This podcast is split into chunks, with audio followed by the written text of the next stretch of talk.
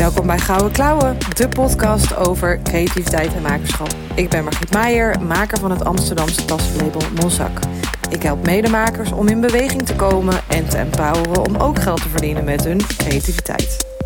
In deze podcast spreek ik makers met gouden klauwen. Ze geven een kijkje in de keuken en vertellen over alle hordes op hun pad. Zoals geld verdienen, plut zijn, gebrek aan inspiratie, gedoe met klanten en kwetterende kwelgeesten.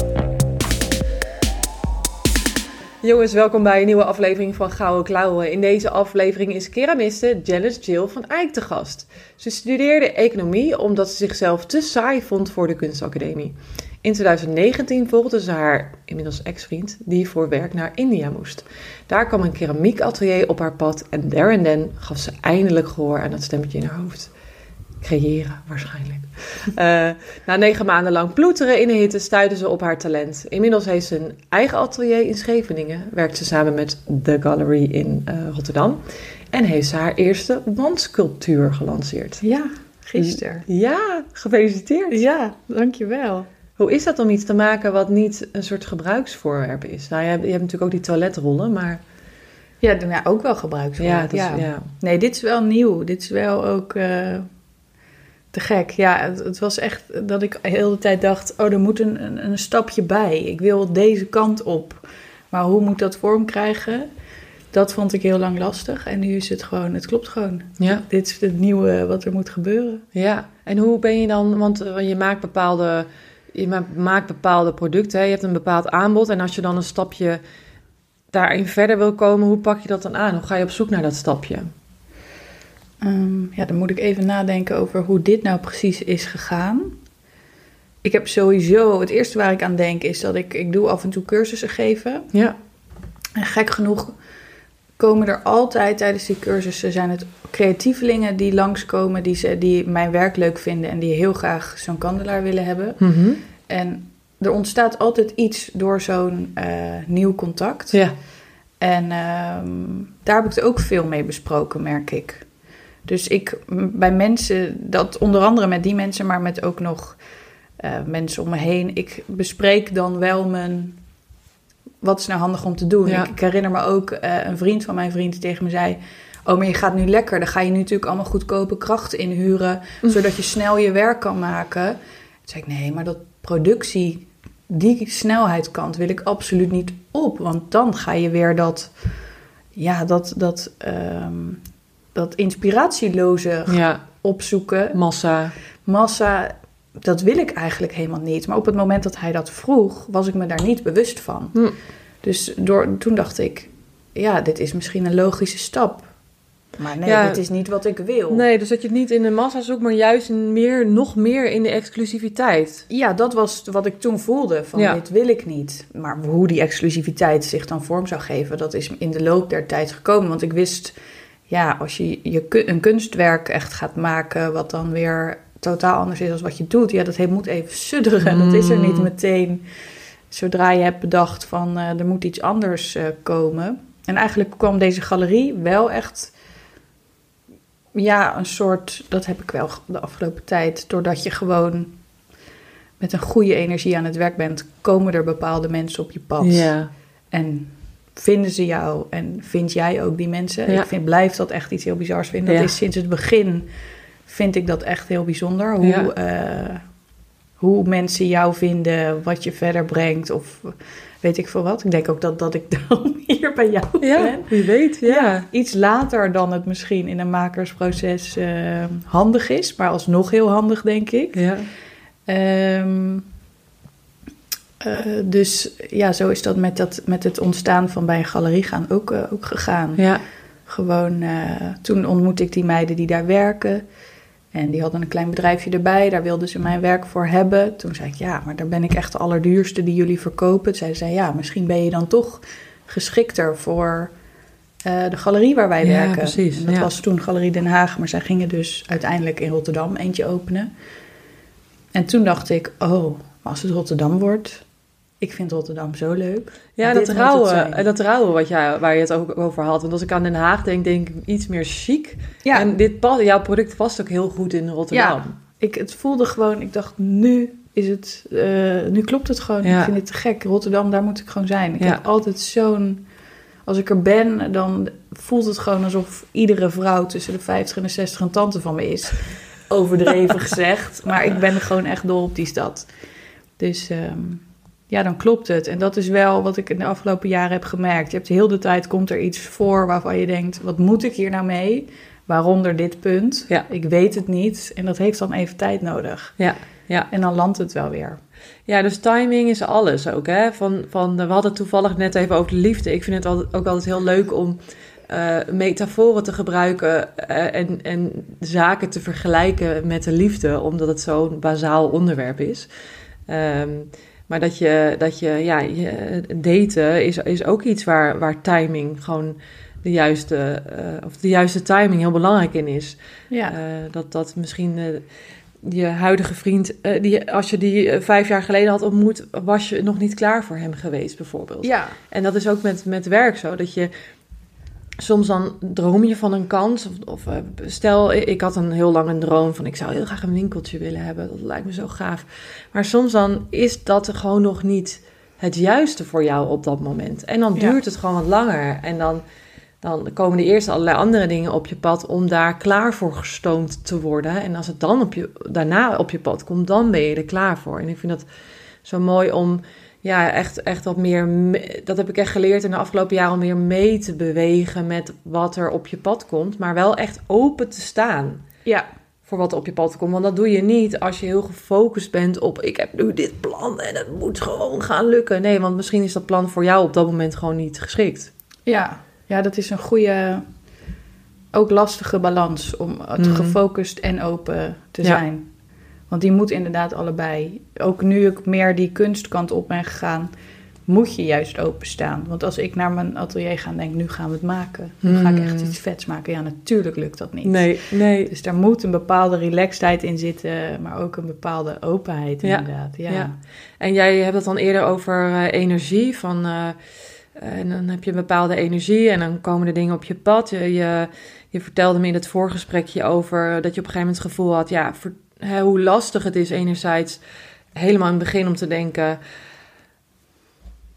Dit doe ik en het is geweldig en eh, koop het. Want je denkt, oh my god, is het goed genoeg? En wie ben ik en ben ik het waard? Eh, eh, dat, maar dat jij op een gegeven moment het gevoel had van... ja, fuck it, dit ben ik en ik, en ik doe iets heel vets. Kun je nog herinneren waar dat, dat omslagpunt was? Ja, kan ik me heel goed herinneren. Of misschien goed om eerst even dat eh, eh, van, van de de A en de B te omschrijven. Dus, dus waar, waar stond je? Mhm. Hoe voelde dat? En wat gebeurde er? En hoe voelde het daarna? Ehm, ja, ik weet dat ik een, eh, als een berg opzag tegen voor het allereerst een kandelaar online zetten. Hmm. Dus gewoon een foto daarvan maken en zeggen: Dit is het. Mhm. Dit kun je nu bij mij kopen. Want de hele tijd dacht ik dan: Ja, dan heb ik twee likes. En dan denkt iedereen: Wat heeft hij nou zitten doen? Komt die meid aan met de kandelaar? Ja. ja. Ja, dat, ik had echt, dat vond ik zo'n enorm groot ding. Ja. En eh, ik weet dat ik toen bij een vriendinnetje thuis was. En eh, dat ik echt zei: Oké, ik ga hem nu online zetten. Maar jij moet kijken en jij moet. ehm, heb ik het nu goed geschreven? Moet ik andere hashtags doen? Moet ik dit doen? Is die foto goed? En hebben we het nu over Instagram? Ja, Ja. hij staat ook nog helemaal onderaan. Het is met, met stippen. Die verkocht ik in het begin heel goed, nu helemaal niet meer. Ehm, ook iets grappigs. Ehm, en die, dat ging toen best goed. En dat werkte toen eigenlijk, realiseer ik me nu, best verslavend. Dat je ineens dacht, hé, hey, er gebeurt iets. Hmm. Maar dan ga ik even iets bedenken hoe ik, eh, wat nu mijn volgende ding gaat zijn. En ik ben toen, mijn, in mijn begin van Instagram was ook heel erg een soort sferische beelden die passen bij mijn werk eh, zoeken. Omdat je nog niet zoveel beeldmateriaal hebt. Ja. Ehm, en eh, zo echt verder gaan bouwen. Maar iedere keer, dat, dat is wel echt zo dat je dacht, oeh, ik ga weer wat posten. Zou er weer wat gebeuren of blijft het stil? Ehm, ja, ik geloof dat dat het wel was. En ik, je voorafgaand hier aan dit moment is er ook een hele tijd geweest dat ik die glazuur moest goed zijn. Dus ik maak iets wat, wat duidelijk handgemaakt is en Mhm. waar imperfecties in zitten. En in het begin was mijn glazuur niet zo glanzend of niet zo egaal of niet zo mooi. Of mijn kandelaar stond net een beetje scheef of iets. En dan kwam dan uit die oven en dan moest ik het echt even zo... Dan zag ik het en dan dacht ik, waarom ben ik nou niet blij? Ben ik te, te kritisch? Ben ik, Mhm. eh, zit, ik, zit ik het mezelf moeilijk te maken? Of, eh, of eh, ja, zie ik het verkeerd? En ik weet, toen kwam op een gegeven moment... had ik een grote kandelaar gemaakt... Eh, en die had ik lila geglazuurd. En toen had ik... eh, dat had ik toen voor het eerst gedaan. En die kwam uit de oven. En toen dacht ik, hij is nu goed. Nu is die goed. Nu Ja. ben ik er. Ik, ik heb, ben niet te kritisch geweest. Het was gewoon nog niet goed genoeg. Ja, ja, je voelde het gewoon nog niet in je, eh, je zei, we hadden het net over creatiekracht in je buik, als in iets Ja. maken vanuit je, vanuit je bekken eigenlijk, wat wij vrouwen natuurlijk, dat je voelde het daar gewoon nog niet in je onderbuik dat het klopte. Ja, en dat was ook in India. Want dat, hier zijn de processen allemaal weer net anders. De ovens zijn anders, de glazuur is anders. eh, De buitentemperatuur is anders. Ja, onder andere ook. De afgelopen tijd niet, maar, maar ja, zeker. Dus ik moest, het kostte even om het weer op diezelfde 80% te krijgen als wat ik het in India aan het einde had, zeg Ja. maar. Want toen had ik ook die net scheve kandelaar die bijna het goede glazuur had, maar Ja. nog niet helemaal. En in Amsterdam had ik die toen ook. En toen op een gegeven moment was die glazuur gewoon goed. En toen dacht ik, nu is het er. Dit, nu is het goed. Nu sta ik ervoor. Nu kan ik, nu, nu, ja, nu vind Ja. ik het gewoon vet. Nu, nu. En hoe lang, eh, hoe lang kun je dan een tijdsbestek geven voor de mensen die luisteren en denken, oh man, maar hoe lang duurt het dan voordat ik daar ben? Voor in jouw beleving, in jouw ervaring? Want 2019 ging je naar India. Wanneer was dit? Dit, eh, ik verkocht september 2020 mijn eerste kandelaar. En 2019, wanneer begon je, met, begon je echt met keramiek en... Eh, ik, we, we- ik begon naar januari, toen arriveerden we. Was het net na Oud en Nieuw? Volgens mij wel. Eh, en ik ben eigenlijk meteen op zoek gegaan. Maar ik heb eerst twee maanden midden in Delhi gezeten. Totdat ik erachter kwam eh, dat die man die me daar hielp het erg leuk vond om te zeggen: nee, dit kan allemaal niet. Dus toen dacht ik na twee maanden: ah, dit is weer een man-vrouw dingetje hier. Oh ja, Die man ja. vindt het fijn om mij in mijn hok te houden. Ja, ja. Dus hier moet ik weg. Dus toen ben ik uit Delhi gegaan en toen bleek er op 20 minuten rijden van ons echt een waanzinnige plek te zitten met golfplaat op het dak en apen die er overheen liepen en een man met lang grijs haar en blauwe ogen die geen Engels sprak. En daar kon ik gewoon aan de slag. Dus ik geloof dat het maart was eh, dat ik die plek gevonden had. Precies toen, het, toen die 40 graden gehaald was. En toen het echt goed heet begon te worden. Toen Dus ongeveer anderhalf jaar heb je erover gedaan om het gevoel, het zelfvertrouwen eigenlijk te krijgen om te denken, ja, god damn it, dit is, dit is, dit is goed en nu durf ik het echt eh, te gaan verkopen. Ja, Best wel, best wel snel vind ik dat nog. ja, eigenlijk wel hè. Ja, misschien denk, dacht jij toen, jezus, wanneer komt het in hemelsnaam? Maar achteraf, ja, ik, ik vind dat wel een snel, heb je snel gedaan. Ja, het is echt stapje voor stapje. Dus oké, heb ik de goede klei? Gaan we hiermee prutsen? Wat moet er qua glazuur op? Ehm, met mijn, die docenten daar dan erachter komen dat zij ook eigenlijk helemaal niet zoveel wisten. En eh, dat Ook ik maar wat echt deden. zelf uit moest gaan zoeken. En dat ik zo'n online ehm eh, scheikundecursus heb gedaan om, om, om meer erover te weten. Die ik dan daar weer heel easy zelf eh, Ah, kon ja. volgen. Want daar had ik de tijd voor Ja. toen. Ehm, ja, dus steeds een stapje erbij. Waarom lukt dit nou niet? Hoe moet ik het aanbrengen? Welke kwast moet ik Ja. gebruiken? Welke dit? Steeds nadenken, waar loop ik nu vast en hoe moet ik verder? Ja. Dat is wel... Maar de, de, ik ben dan benieuwd, want, want als je iets. eh, eh, ehm, weet je, dat doorzettingsvermogen, dat, dat, dat eh, ik denk door alle afleiding die we hebben in, de, in, in ons leven tegenwoordig. moet je echt wel heel veel discipline hebben om dat doorzettingsvermogen te, te tonen eigenlijk. Ja, Door gewoon niet op te geven en denk, ja, weet je, het lukt gewoon niet. Laat maar, ik ga lekker op het strand liggen, bij wijze van spreken. ja. Ehm, wat maakte dan dat jij dat zo graag wilde leren? ja hè? Ja, ik herinner me ook dat ik letterlijk in dat atelier stond en dacht... het is toch wat? Niemand vertelt mij dat ik hier moet zijn. Ja, En ik wil hier zijn. En ik kan het je eigenlijk niet zeggen. Ik weet gewoon dat ik... Het voelde gewoon alsof ik dit wilde doen. Ik weet... Mijn allereerste keramiek eh, moment was op Bali in Ubud. Ik zou het iedereen aanbevelen. Sari, Api, nog wat. Echt in de jungle kun je keramieken. Neem Oh. date mee. Had ik niet bij me. Ik was echt helemaal ten dode opgeschreven daar. Maar daar was mijn eerste ervaring dat je gewoon drie uur lang zonder ergens aan te denken Mm. eh, ermee bezig bent en denkt: Oh mijn hemel, ik heb de afgelopen acht jaar toch wel veel achter een laptop gezeten. En dat is eigenlijk niet wat ik moet doen. Ja. Ik, ik knap er gewoon niet van op. Het Nee. is die, nu zit ik met plezier achter mijn laptop, hè? Een dagje in de week, Precies. een middagje in de week. Ja, maar het is voor jezelf. Dat is heel anders dan voor een baas. Ja, en toen, nou ja, ik zei echt, heb ik drie en een half uur hier gezeten? Meen je dit? Hmm. Geen idee. Dus het, ik weet ook dat ik, ik heb toen ik 21 was in Zuid-Afrika eh, stage gelopen. En die baas zei tegen mij, je moet het ding vinden that makes you let your tea get cold. Dus Oh, waardoor ja, je denkt, oh shit, Ja. ik heb mijn thee weer koud Ja, laten worden. Dat zei hij toen tegen mij. En dat heb ik daar wel echt gevonden. Ja. Dat Dat je- ja, iemand anders in de podcast zei, haar vader zei, wat, wat is het eerste waar jij aan denkt als je wakker wordt? Oh ja, Dat vond ik ook een hele mooie. ja. Eh het Vina zei dat. Dat je gewoon gelijk, ik wil ook gelijk altijd uit bed, want ik heb dingen te doen. Ja. Ik heb belangrijke dingen te doen. Ja, Maar inderdaad, je thee koud, iets wat je thee koud laat worden. Ja, dat is echt. ja, dat je echt denkt, oh shit, ik ben zo lekker bezig. Weer vergeten die Ja. thee. Maar had je dat, maar realiseerde je dat toen in Ubud of realiseerde je dat toen toch iets later in India van, oh, dit is misschien wel dat waar hij het over had? Nou ja, 2018 ben ik dus op Bali, heb ik dit gedaan. En toen in 2019 kwam dus dat moment van we gaan naar India. En toen dacht ik eerst, oké, ik ga hier interieurdingen doen. Want ik wil de switch maken van mode naar interieur. Dat past denk ik toch beter bij mij. Laat ik ehm, iets van een productieding gaan doen. En dan kan ik als ik terug ben die interieurkant op, want dan heb ik daar ervaring in. En dan, ja, zo dacht ik.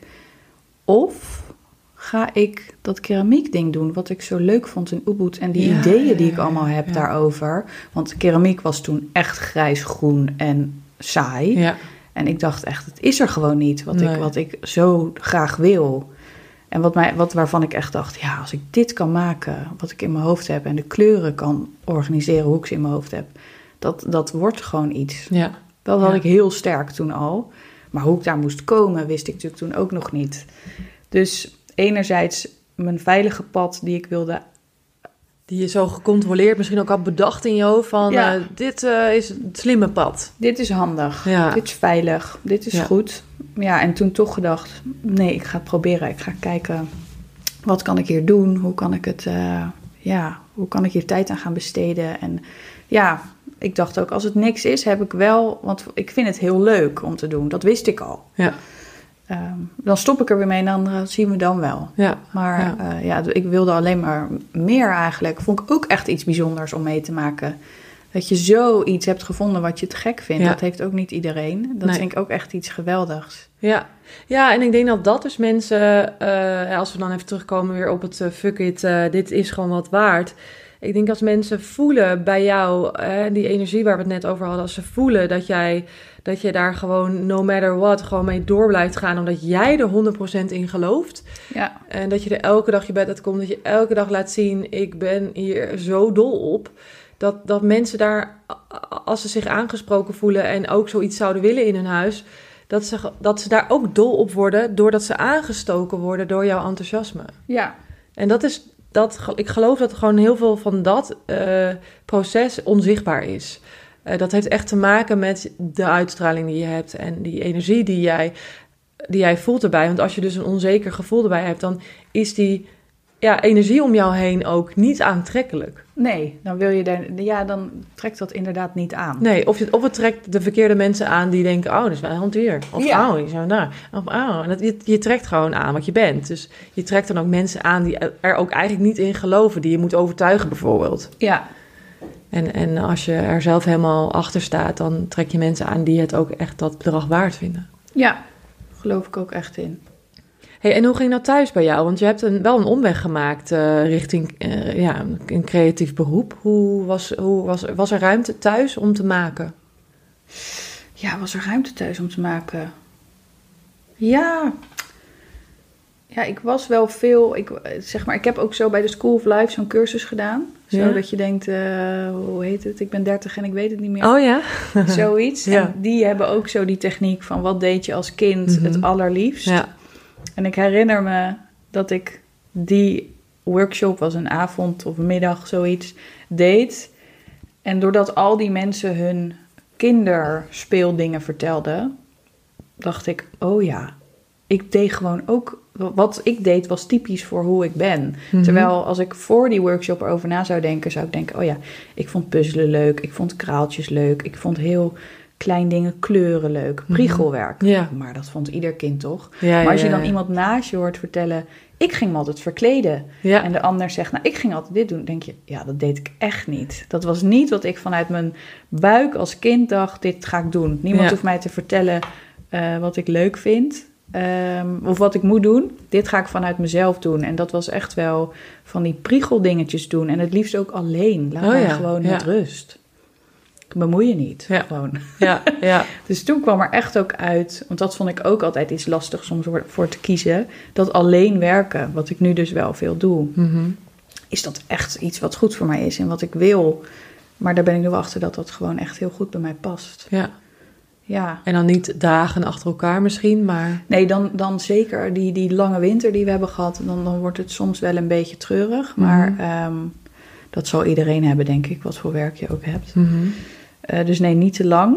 Ehm, maar ja, om eh, antwoord te geven op je vraag. eh, als kind deed ik dus veel priegeldingetjes. Mhm. En kreeg ik daar nou mega veel ruimte voor? Ik denk gewoon. Ik denk gewoon, eh, ik had kraaltjes en ik had... eh, ik ging armbandjes maken en ik ging, maar ik ging ook gameboyen en ik ging ook eh, naar buiten Ja. en weet ik veel wat, dat soort dingen.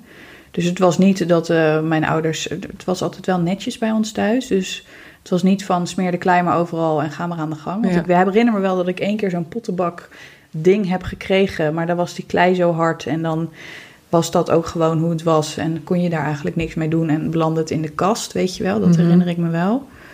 Ehm, maar nee, verder wel veel kunnen prutsen en eh Ja, kneksen, ja. dat soort dingen. En, en daarna, zo richting je studietijd, hoe, hoe eh, ging die reis toen? Ja, dat is lastig hoor. Dan ben je gewoon, eh, ik wist het echt niet. Wat dan je raak doen je met dat je ook een leven? beetje kwijt. Ja, je bent dan gewoon puber, hormonen, je wil roken, je wil eh, heel cool zijn. Mhm. Je bent dan echt ver weg bij dat eh kindsgevoel van wat ik, wat, waar word ik blij van. Ik Ja. denk ook dat er geen, nou misschien wel, maar ik had toen niet de handvat om te zeggen hoe gaan we daar naartoe.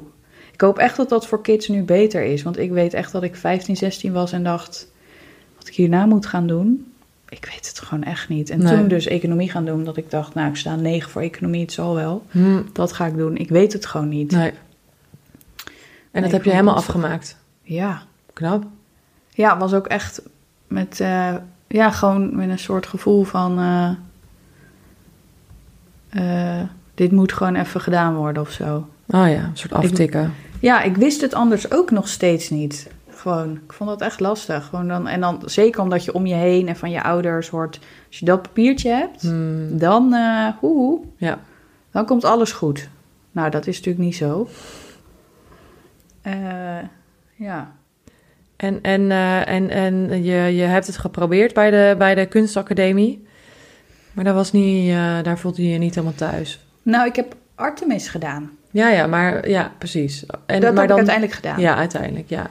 Maar die kun, ik heb toen, toen dacht ik nog, oh ja, ik vind, ben ook wel heel creatief. Maar ik ga niet kunstacademie doen. Daar gaan alleen maar hele excentrieke mensen Ja. naartoe en dat ben ik niet. Ja, Dus toen daardoor toen economie gaan doen. ja. Maar uiteindelijk wel toen ik naar Amsterdam ging, eh, eh, eh, die Artemis gaan doen. En dat heeft toch wel, ik vind het een hele dure school voor wat het is. Mhm. Ik zou hem ook niet per se aanbevelen. Maar het heeft me toch wel echt, het heeft toch echt geholpen in waar ik nu ben. Dus ik ben toch wel heel blij dat ik het heb gedaan. Ja, en hoe, hoe komt dat eh, op dagelijkse basis dan terug? Eh, bijvoorbeeld die, die studie economie? Ja, die studie, dat weet ik niet zo goed. Daar weet ik echt niks meer van eigenlijk. Er komt Ja, maar de- van pas? Ik weet het niet. Ah, ik kan me niet voorstellen dat je er niks van... van... Nou ja, nou, ik heb mijn, stu- mijn, mijn scriptie heb ik eh, in Zuid-Afrika geschreven. En daardoor, ja, dat, dat is wel. Ik denk dat dat meer een soort. eh, dat eerste moment van vrijheid proeven als je 21 bent. En Ja. eh, eh, dat dat een leuke manier is en een goede manier om die eerste vrijheid echt te voelen van op jezelf wonen. Waardoor je ook gevoelsmatig, denk ik, dichterbij die wat wil ik nou met mijn Ja. leven komt. Ja. Dus dat heeft mijn studie gebracht. Ja, en ik geloof er ook in, dit was het gewoon. Ik had het ook niet anders willen doen. Nee, nee. Dit was gewoon mijn pad. Ja. Ik, ehm, en ehm, ja, zo eigenlijk. Ik weet niet, ik kan niet zo goed specifiek zeggen wat dat me nou heeft gebracht. Ik denk misschien als het vervelend is dat je toch even doorzet. Ja, ja, ja. ja. Nou ja, of, of eh, zakelijk zijn. Ja. Ik heb ook nog steeds een hoop in te leren, dus ik weet niet. Wat, wat, wat eh, kun je daar zo'n voorbeeld van noemen? Wat je daarin te leren hebt? Wat je daar lastig aan vindt? Nou, dat ik gewoon, eh, als ik je leuk vind, dan gaan we het gewoon doen. Mhm. En als ik je stom vind, niet. Terwijl ik soms gewoon eh, even moet lachen naar mensen die ik ook wat minder leuk vind misschien. Dus ook dat Rotterdamse, denk ik, waarom ik eh Rotterdamse leuk vind. Zo Dat cut, vind ik. cut the chase. Gewoon, ja, gewoon ja. dit is het. We gaan niet eromheen draaien. En ehm, ja, Maar dan, dan pas je je dus niet aan, eh, aan, aan mensen die je niet leuk vindt. Als in, die vind je dan stom en, je, en dat zien zij dan ook. Bedoel je dat? ja, en gewoon dat als ik je niet leuk vind, dan is het het gewoon niet. Nee, En dan gaan we gewoon niet verder. nee. Terwijl het me misschien wel iets zou brengen. Ja, Maar, Maar- ook als iemand bijvoorbeeld ontevreden is over wat ik heb, eh, wat ze hebben besteld bij Mhm. mij, dan zeg ik altijd: stuur het alsjeblieft terug. Ik wil niet dat je. Terwijl eigenlijk maak je gewoon een kunstwerk voor iemand, handgemaakt Mhm. op aanvraag. Mijn vriend kan er altijd heel pissig van worden. Van Jen, als je een sieraad bij iemand bestelt, handgemaakt met bepaalde kleuren en dingen, Ja. en weet ik veel wat, kan je daarna ook niet zeggen: joh, ik stuur het terug. nee. Nee, ben ik met je eens. Maar ik wil ook niet dat iemand een item heeft waarvan die denkt: God, heb ik toch 2,500 euro voor betaald en het is net niet. Ja, ja. Stuur dan maar terug. Ja, maar en, en, hoe, en daar, daar kun je natuurlijk ook over communiceren van tevoren. Dat doe ik in ieder geval altijd. Ja, Ma maatwerkproduct kun je niet terugsturen, omdat ik dan mezelf al ingedekt heb en ik dat dus niet hoef, nog, nog, nog in discussie over hoef te gaan. ja. En ik heb dan, ik doe dat bewust niet, omdat ik denk. Het kan altijd zo zijn dat je iets online koopt waarvan je denkt: oh, dit is niet echt toch anders. Ja. Het gebeurt niet vaak hoor, maar het gebeurt wel. Ehm, dat ik denk: ja, ik raak het wel weer kwijt. Mhm. Prima, dan Mhm. niet bij jou. Ja, ja.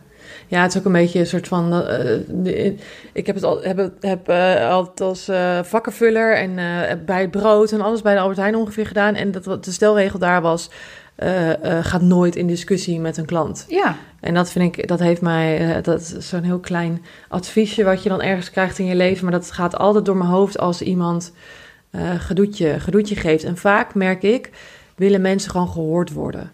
Wij, wij hebben wel eens, eh, ja, ja. eens in het jaar of zo, eh, krijg je een, een minder leuke review. Ja. En daar schrik je dan van, omdat alle anderen wel heel goed zijn. En dan ga ik altijd in gesprek met diegene.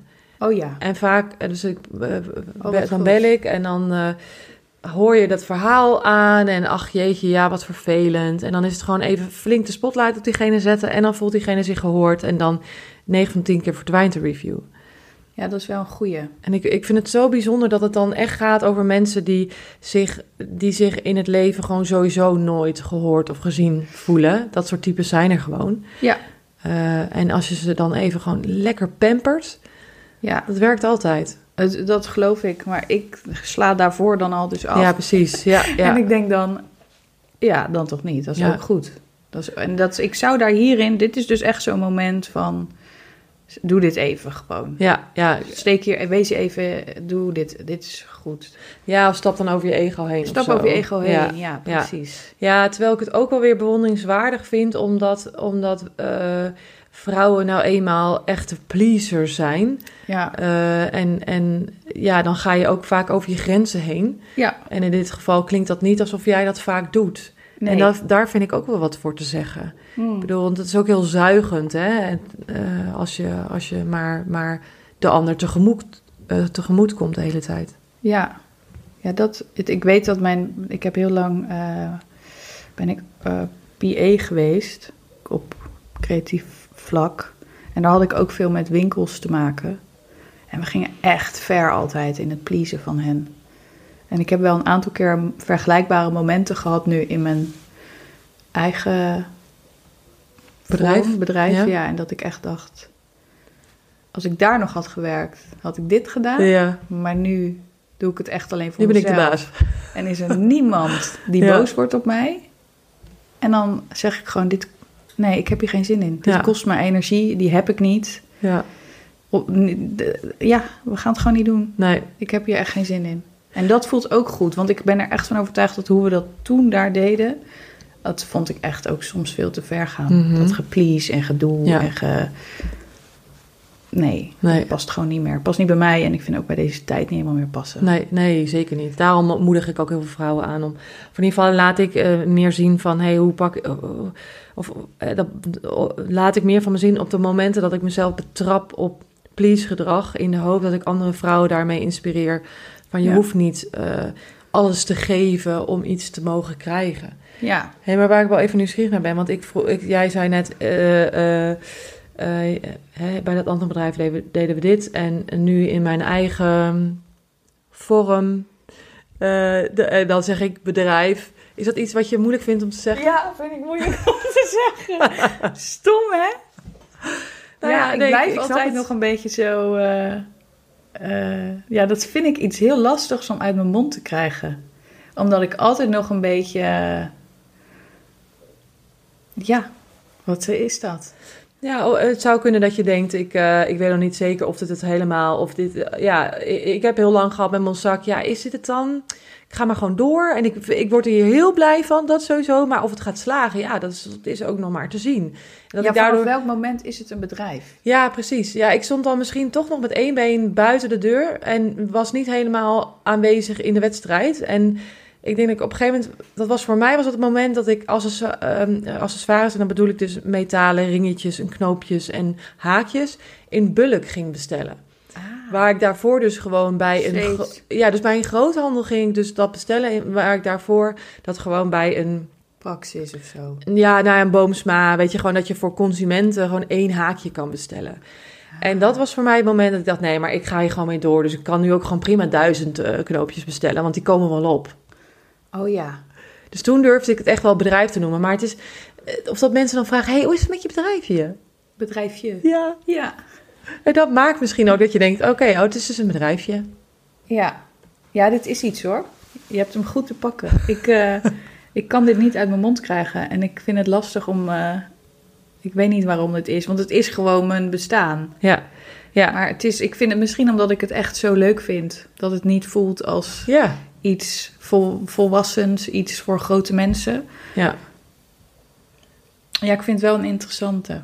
Ja, het is super interessant. Dit is precies wat ik bedoelde. In ons vorige gesprekje hadden we het even over wat voor soort makers ik dan coach. En eh, ehm, dat, dat weet ik ook als geen ander. Dat je in elke fase van je, van je, van je groei.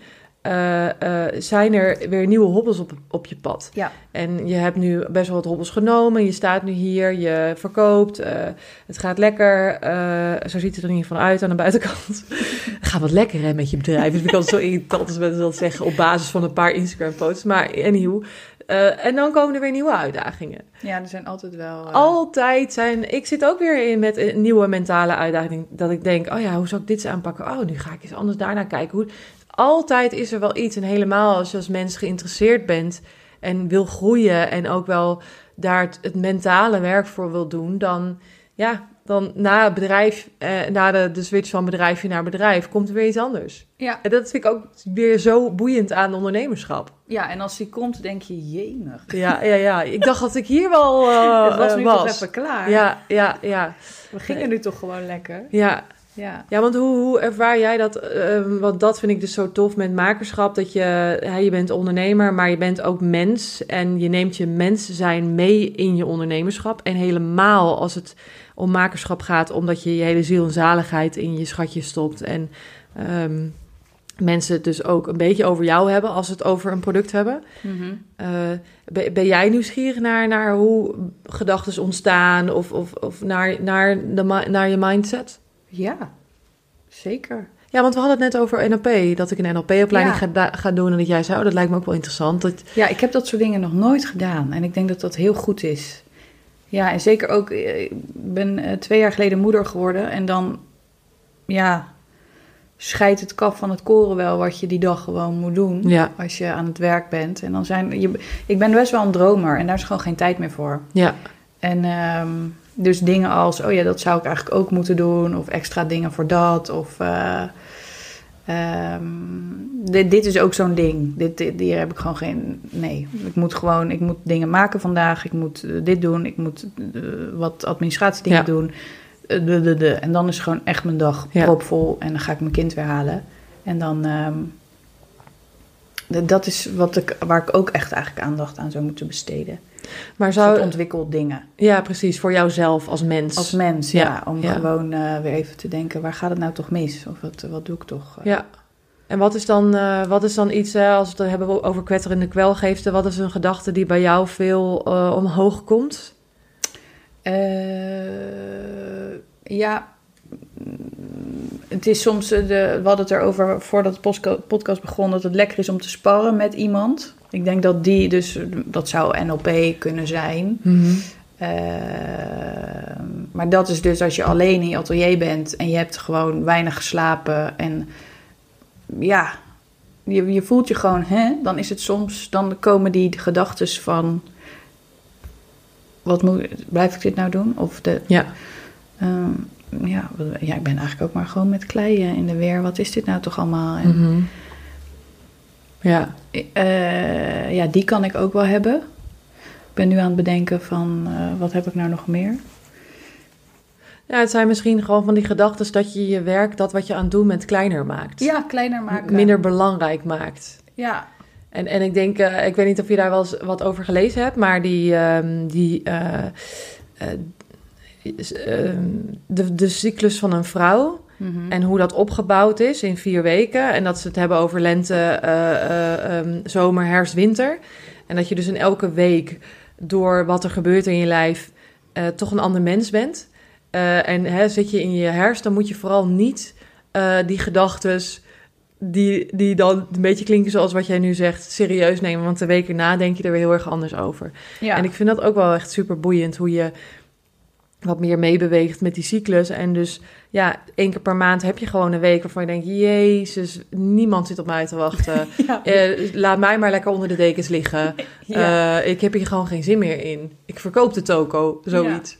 En de weken na denk je weer: Oh, wat gaan we lekker. Eh, yes, vlammen. En, dan, en, en dat gaat gewoon elke maand. Maak je dat weer mee? ja. En eigenlijk als je zwanger bent, zit je de hele tijd wel tegen dat... Ja, ja, ja, ja, ja. Tegen, is het Nee, de hele herfst? Ja, nou dat klinkt weer heel dramatisch, maar je hormonen zijn gewoon totaal gestoord. Ik Ja. las laatst ergens dat een zwangerschap te vergelijken is met het nemen van 100 anticonceptiepillen per dag. Qua hormoonhoeveelheid Holy wat er in je lijf zit. Wauw. Ehm, dus eh, ja, je bent gewoon een beetje knetter ook Ja. als je zwanger bent. Ja. En, en, en als je dan, eh, als we dan even teruggaan over die, die, die invulling, in- invulling van die dag en je hebt maar zoveel uur, heb je dan het gevoel dat je juist daardoor, ik geloof ook heel erg in de vier, uur- vier eh, werkweek, eh, of niet zoveel uren op een dag werken, want je kunt gewoon niet zoveel uren productief zijn. Als je dus maar een bepaald tijdslot hebt op een dag tussen tien of negen en drie, ik noem maar wat, dat je dan misschien veel efficiënter werkt, omdat je gewoon je kan niet lanterfanten. Ja. Eh, je moet het gewoon die shit gedaan krijgen. Ja. Heb je het gevoel dat je efficiënter werkt op die manier? Ja. Ja. Jawel. Maar ik moet nu ook meteen denken aan het verschil tussen als ik op mijn laptop zit of als ik in mijn atelier gewoon aan het maken ben. Mhm. ben is een totaal ander gevoel. En op mijn laptop, ja, dan zijn er acht dingen die ik eventueel kan doen. Ja. En Ik kan niet aan één ding, aan één stuk door. Dus ik ben heel tijd heen en weer, wat natuurlijk helemaal niet goed is. Ja, ja. En in mijn atelier doe ik dat ook, maar op een veel gestructureerdere manier. Ja, De, hier werk ik nu aan. Dat is weer wat droger. Hier ga ik mee verder. Dan gaan we dit doen. Dat moet eigenlijk eh, in de oven. Ik ga dan. Ik heb tot drie uur om te maken. Dat moet ik dan goed inpakken, want het is warm. Dus dat gaat te snel drogen. Dan ga ik de oven inladen. Dat kost ook even tijd. Ja. Eh, dus eh, het wijzigen, dat het, het vak dat vraagt gewoon om een bepaalde manier Ja, van organisatie, werken. Ja, eh, iets heeft, eh, Ja. dat heeft dan iets nodig. En als dat klaar is, heeft eigenlijk dat weer iets nodig. Dus Ja. het wijst zich ook vanzelf. Ja, maar je staat in één ruimte. Je bent alleen maar bezig met één soort... het verplaatsen van een, en werken aan een item. Maar de, en ik denk dat je dan dus ook geen afleiding hebt. Dat er dan hyperfocus is. Ja, hyper heerlijk. Ja, maar als je dus honderd dingen op je computer zou kunnen doen... oh, dit zou ik ook misschien nog wel kunnen doen. Of misschien is dit toch wel even handiger. Ja, daarin je prioriteiten stellen. Ja, Ik denk juist... We stonden in de rij toen creativiteit uitgedeeld werd... maar niet toen eh, eh, ja, organisatie, talent als het gaat... Oh, het is gewoon marketing ook, hè? En, en administratie. Het zijn dingen die eh 99% van de makers niet leert op school. nee. En die ook... eh, die je zo groot kan maken als je zelf wil. Dus ik Ja. vind dat ook heel lastig van... Oké, ik ga hier nu aan werken, maar hoe groot is dat ding dan? Dus ik ga bedenken... Want nu, ik heb al best wel een tijdje niet echt regelmatig op Instagram gepost. Mhm. Deed ik hiervoor veel regelmatiger. Als dan mijn taak is van de middag campagne-ideeën bedenken of weet ik veel wat. Ja, Mhm. moet ik dan voor de komende zes weken iets bedenken? Of eh, wat is het kader van mijn Ja. to-do voor die middag? Ja, precies. Ja, ja, Vind ik dan heel lastig. En dan vooral ook om daarna te denken... nu ben ik tevreden over wat ik heb bedacht. Ja. Eigenlijk heb je altijd dat je denkt... oh, ik ben nu een uur bezig. Heb ik dit pas? Ja, ja. Het, is niet zo, eh, het is ook niet zo tastbaar, hè, het resultaat. En wat, dat is het wel als je iets maakt. Ja, er zit ook echt iets in. Ja, zeker. ja en ik denk, ik denk dat, dat veel makers eh, er daarom van wegblijven. En, er daarom, eh, en dus daarom geen succes hebben met hun bedrijf omdat ze een beetje korte termijn denken. Dus ah ja, het is wel handiger of het, het is efficiënter als ik nu even een tas ga maken, ik noem maar wat in dit geval.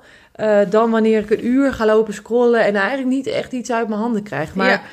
het is, marketing is gewoon iets, dat is een soort van trein die je moet laten Ja. eh, eh, rijden. En je moet, je moet kolen op dat, op, dat Ja. vuur, op dat vuur blijven gooien om hem te laten rijden. ja, heel goed. Maar ja. heel veel makers die, die doen het liever niet, waardoor die trein steeds langzamer gaat rijden en op een gegeven moment gewoon stopt. Ja, En dan denken ze, kut, er komt niks meer binnen. Oh, misschien moet ik nu iets aan marketing gaan doen. En dan vervolgens gaan ze daar even twee pogingen wagen. En dan, oh, weer afgeleid door het werk.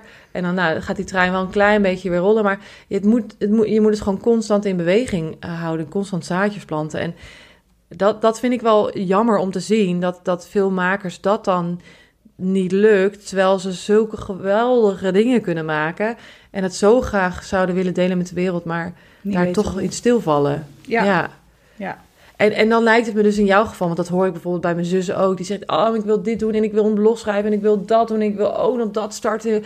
Maar ja, ik heb maar zoveel uur in de dag en dan krijg ik maar net het werk, het, het- gewoon het dagelijkse werk gedaan. ja Eh, precies dit, ja. Ja, en dat lijkt me ook wel frustrerend. Ja. Ja. Maar aan de andere kant heb je ook alweer, ja, iets anders daarvoor in de pla- plaats. Ja. Ja, het is gewoon... ehm, dat is nu denk ik, ik wil gewoon mijn beeld mooier maken. Waarbij ik altijd zo... Dat, dat was mijn trein. De, oh, ik ben nu even wat aan het maken. Is dit leuk om iets over te delen? Ja, dit is wel leuk. Oh, dan doe ik even zo een kort filmpje of ik doe Ja. dit. En dat werkte dan eigenlijk altijd op, wel oké. Ja, Met iets erbij of ik had iets, weet ik veel. Ging snel, vind ik Mhm. prettig. ja, Eh, maar op een gegeven moment denk je, ja, ik wil nu eventjes iets moois gewoon. Ja, dat echt ja. gewoon er gelikt uitziet. Ja, dat kost tijd. ja, ja. Dat. Dan moet je dat gewoon gaan organiseren. En eh, dat is waar ik nu een beetje dan tegenaan loop van, oh ja. Dat moet, ik moet daar nu gewoon echt even ruimte voor maken. Mhm. Tijd. Eh, maar ja, dat is lastig. Ja, ja. ja, en wat, is, wat heeft dan prioriteit? Hè? Dat lijkt me ook gewoon heel lastig. Ja, en hoe goed moet het dan zijn? Ja, Ga ik een fotoshoot organiseren wat me weet ik het hoeveel geld kost Ja, en wat ja. de hele dag of twee dagen in beslag neemt en waarvan ik, waarbij ik eh, mensen een dag moet inhuren?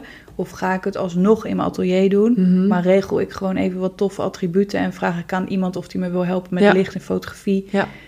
En is het toch Goed genoeg dan. Ja, Ja. dat is ook, vind ik lastig om dat dan eh, in, een, in, een, in, een, in een vat te gieten. Ja, ja en, ik, en ik zou dan vooral luisteren naar je eigen gevoel, als in wat vind je leuk. Want als jij een fotoshoot organiseren leuk vindt en echt zin hebt in dat soort beeld, dan ja, go for it. Maar als jij zegt, ja, ik, ik, ik heb er geen tijd voor, ik vind het eigenlijk ook niet leuk, eh, dan zou ik zeggen, doe het lekker in je eigen atelier en kijk wat daar dan uitkomt. Ja. Maar misschien ben je daar wel tevreden mee wat, met wat er uitkomt. En een heel gelikt beeld, ja, weet je, het is wel interessant. De Instagram staat er bol van, maar ik denk dat mensen dat echte, dat, dat als, het, als het iets minder perfect is, ja. eh, dat, het, dat mensen dan denken, oh, maar dit is echt wel door een mens gemaakt dit.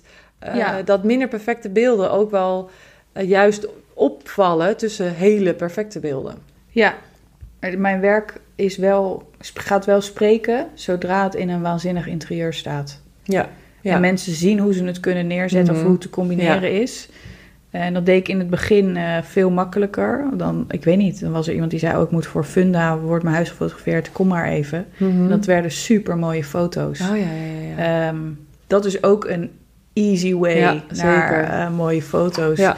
In plaats van, ik ga een heel mooi huis zoeken... en die wil er geld voor hebben en weet ik veel Ja. wat. ja. Ehm, maar dat, dat is meer, met gelikt beeld bedoel ik meer mijn werk in een interieurachtige omgeving. Ja. Zodat je ziet hoe het uitkomt. ja, precies. Het is echt, ik had laatst ook, dat had ik ook met dat sculptuur. En met eigenlijk, eh, ik heb laatst eh, eh, via Atelier ND de twee bijzettafeltjes verkocht. Was ook precies hetzelfde. In het atelier dacht ik, wow, te gek. Mhm. Zodra je het dan uit dat atelier haalt en het is ergens anders, in, of in dat geval galerie, of naast een bank, als die. Ja. Ja, ja dat is echt gek wat er Ja. dan gebeurt. Ja, En dat zie je op beeld. En dat is gewoon iets in, in mijn eh, eh, gebied wat, wat ik gewoon eh, meer moet laten zien. Ja. En, o- want ook met dingen aan de muur, ja, als ik dat zo in mijn atelier fotografeer, zie je niet hoe het bij je Nee, thuis aan de muur hangt. Ja. Naast een, eh, een bank en een weet ik veel wat Ja. allemaal. Dus dat is een, echt een uitdaging. Ja, dat, ja, ik moet ook al bij Vinted, eh, eh, daar heb je ook, dan ligt het plat op, op de grond. Ja. En denk ik, ja, weet je, als je het even aantrekt, dan zie ik hoe het eruit, hoe het eruit ziet. ja, daar, dat is ook echt. werkt gewoon wel echt beter. Ja, Ja, ja, dus, ja dus, dat, dus dan is het toch misschien toch wel inter- interessant om daar een fotoshoot voor te organiseren. Hey, en hoe vind je, hoe vind je het om, om je werk te verkopen? Mm, ja. Ja, ik vind dat wel leuk, eigenlijk. Ik geloof er gewoon in. Ik eh, vind het nog steeds te gek. En eh, Voelt het dan ook zo, als je er zo in gelooft? Voelt het als verkopen? eh, nee, ja, hoe voelt het? Nee, ja, je raakt gewoon in gesprek met mensen. Ja, En je hoeft het niet te op te dringen. Nee, en ik heb niet zoiets van koop het nu, koop het nu. Ik heb heel erg een soort kijk, dit heb ik gemaakt. Ja, Hoe leuk. Dit is toch echt zo leuk. ja, ja. Dit is eigenlijk een soort denk mijn verkooptechniek. Ja, ja, Kijk hoe leuk dit is. Dit is echt heel leuk. ja. Eh, En dan, en dan, en- ik wil dit hebben. Ja, precies. Ik zou het in mijn, in mijn huis zetten, maar mijn huis is vol. Dus misschien jouw huis? Ja. Ja, maar dat, dat is het. Ik bedoel, dat, dat, dat, is, dat is zelfvertrouwen. En dat komt door alles wat je hebt gedaan, waardoor je nu weet, dit is wat ik wil doen en dit is wa- waarom ik erin geloof. En dat klinkt dan nu zo makkelijk, maar daar heb je ook eh, werk voor verzet. En, eh, eh, maar hoe heerlijk is het om daar zo, ja, gewoon geen twijfel over te hebben, toch? Ja. Ja, Ja, dat is echt fijn. Want het is ook toen ik Artemis deed, moet ik nu ook aan denken. En dan moet je moodboards maken en dingen. Of je moet iets tekenen en iets doen. En dan dacht ik altijd, ja, leuk wat ik heb gemaakt. Maar ik zou me ook geen 8,5 geven. Oh ja, ja. Ik vind eigenlijk wat die anderen hebben gemaakt leuker. Vond ik heel lastig. Mhm. Dat je, en, toen had ik eigenlijk nog nooit echt ervaren dat ik dacht: wauw, dit is echt, dit is, ja, dit is mooi wat Ja. ik nu heb gemaakt. Ik vond het altijd wel leuk, maar daar lag niet echt mijn kracht of Nee, zo. Dus eh, dat is ook wel echt, eh, ja, zo'n ding dat je denkt: oh. Ik, het is niet vanzelfsprekend, dat bedoel ik ermee te zeggen, dat ik altijd bij alles wat ik maak denk: kijk wat ik heb gemaakt. dit is Nee, echt nee, geweldig. Dit ja. heb ik nu echt wel met dit specifieke ding. Ja, precies. En hierbij gaat het me goed af. Ja. ja, omdat je er tijd in geïnvesteerd hebt om er beter in te worden. En, Ja, misschien als ik dat met dat ook meer had gedaan. ja, was het ook gebeurd. Misschien wel eigenlijk. Dat het inderdaad, want ik ben toen dat gaan doen terwijl ik er ook vier of vijf dagen naast werkte. Dus ik had er ook weinig tijd voor. Het moest ook allemaal snel. En Die opleiding bedoel je dan? Ja, ja precies. Dus ja. Dat, dan wordt dat ook altijd zo'n ja. snel ding. Ja. Ja. Ja, en dat is misschien ook inderdaad, je moet wel de tijd ervoor nemen om er beter in te worden. Want ik denk dat heel veel mensen denken, oh nou, ik zie zoveel mensen iets leuks verkopen op Instagram. Nou, dat kan ik ook wel. En dan uh, dingetjes gaan frutselen en dat dan verkopen. Ja, dat, dat, dat ga je niet volhouden. Nee. Uh, als je er niet 100% in gelooft, ga je dat niet volhouden. En ik vind het wel grappig hoe makers zo uh, verkopen gewoon heel erg eng vinden. En toch ook een beetje vies vinden. En toch een beetje weerstand voelen. En ik zeg dan altijd, ja, dat gaat niet over het verkopen. Dat gaat over jouw beeld van jezelf, die zichzelf de zaakjes op zou moeten hemelen. En, en daar ben je waarschijnlijk bang voor dat je dat niet waard bent. Dus ook Ja. dat is weer mindset, wat ik echt super boeiend vind. Maar als je dat Ja. leuk vindt en je luistert om daar meer over te, le- te, le- te lezen, te leren, Hm. eh, check dan vooral even in de show notes. ehm, want daar staat een linkje naar mijn workshop Authentiek Verkopen. En dan kan ik je dus leren hoe ik 6500 tassen over de toonbank heb weten te krijgen. En ehm, ja, hoe ik dus authentiek eh, mijn tassen verkoop. Dus superleuk als je meedoet. Vind jij verkopen of commercieel, commercieel denken vooral vies? Mm, nou, ja. Ik vind het ook heel leuk.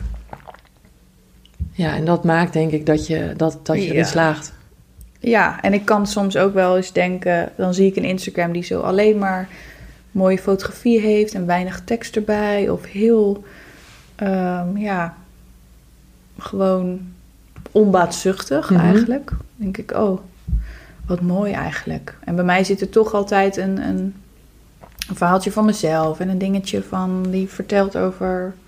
Hulele. Dat Ja. doe ik natuurlijk wel om Ja. daar een bepaald gevoel bij te Zeker, geven. ja. En denk ik, oh ja, zou, oh, dat zou ook wel mysterieus zijn als ik dat nu allemaal niet meer zou doen. Ja, ja, Oh, ja. wat zou cool zijn als ik dat dan niet meer zou doen. Maar ja, nee, dat is wel mijn, manier. Ik, ik, ik, ik leg echt een stukje van mezelf in wat ik maak. En je krijgt ook echt gewoon een stukje daarvan. ja. Eh, dus dat is mijn manier. En ook ja, in mijn werk daarvoor heb ik ook altijd wel commercieel moeten denken. Eigenlijk ook in mijn allereerste studie. Ja, dus, het misschien zit heb er je wel toch in, hoor. wel, eh, wat van meegekregen. Ja, misschien toch wel. ja, nee, ik vind het ook wel leuk. Het is iets, eh, nu dus bijna niet te genoeg tijd aan besteed, maar het is eigenlijk wel iets wat ik leuk vind om. Het is een soort puzzeltje. Ja. Oh ja, wat is nu handig? Waar Ja. wil ik mijn focus op leggen? Wat, wat heb ik gemerkt wat, wat goed werkt? Eh, waar, wat vind ik leuk? Waar heb ik zin in? Ja. Wat moet even aandacht krijgen? Ja, je ontkomt er niet aan. Nee, je moet, je moet zo bezig blijven, want anders dan blij- bl- ben je niet zichtbaar en dan gaan mensen je niet vinden. Ja, Ehm, maar je hebt in ieder geval eh, eh, meer tijd ervoor straks als je, als je kinderen wat groter zijn. En Ja. eh, dan komt er weer een tijd waarin je daar weer Ja. ruimte voor hebt. Ja. Hey, en wil jij eh, onze luisteraars eh, nog een dikke tip meegeven? een dikke tip. Ja. Een dikke tip. Dus iets waarvan je Wil je denkt... hem eh, kaderen? Wat, wat, waar zou ik op moeten schieten? Nou, het maakt eigenlijk niet zoveel uit. Eh, Iets waarvan je zelf hebt ervaren... oh, dit was echt iets eh, wat mensen mij eerder hadden moeten vertellen bijvoorbeeld. Of heel veel makers zeggen... ja, je moet gewoon niet, niet moeilijk doen. Je moet gewoon gaan. Je moet gewoon het niet te lang uitstellen... en je moet Mhm. gewoon aan de slag gaan. En dan komt de rest wel daarachteraan. Ja, en vooral maak die hele grote stap, deel die op in kleine stapjes. Ja, Want ja, je kan niet vandaag een hele toffe Instagram-pagina organiseren. nee. Maar je kan wel vanavond gaan bedenken hoe je je eerste drie foto's online gaat zetten. Ja. En wat je daarin zou willen. Of Ja, hoe, dat, je moet hem kleiner maken. Want ik was in het begin ook wel dat ik dan dacht... Wow, wat is, en dat heb ik nog steeds. Dat ik dingen te groot maak. Dat Mhm. eigenlijk wel meevalt. ja, en ja, het kan echt zo zijn dat je drie jaar lang iedere dinsdagavond eh, hier tijd aan besteedt. Maar dat je wel voelt aan je buik. Het kriebelt en dit, dit hier moet ik mee door. En ik ga het uit mezelf doen. En eh, ja, ik, ga, ik, ik zoek mensen op die ik inspirerend vind. En die me wellicht verder kunnen helpen. En ik Mhm. werk er dan aan, op wat voor manier dan ook. ja. Eh, Ja, en in makerschap, ja, ga vooral maken. En ga, ik zou zeggen, ga op zoek naar dat ding waarvan jij op een gegeven moment denkt: dit vind ik echt zo tof. Hier zou ik er zelf tien van willen hebben. En, Ja. eh, en, en dan dat durf ik ook wel dan rond te bazuinen. Ja. Ja. ja, je moet echt iets hebben wat je zelf, waar je zelf helemaal enthousiast van wordt. Want, Ja. eh, want als, je, als je alleen maar gaat maken voor je klant, omdat klanten ernaar vragen, dan dat ga je nooit, eh, nooit volhouden. Nee. Dankjewel. Jij bedankt, ik vond het heel leuk. Goed zo, ik ook. en eh, eh, geef deze podcast vooral sterren als je hem tof vond. En tot de volgende keer.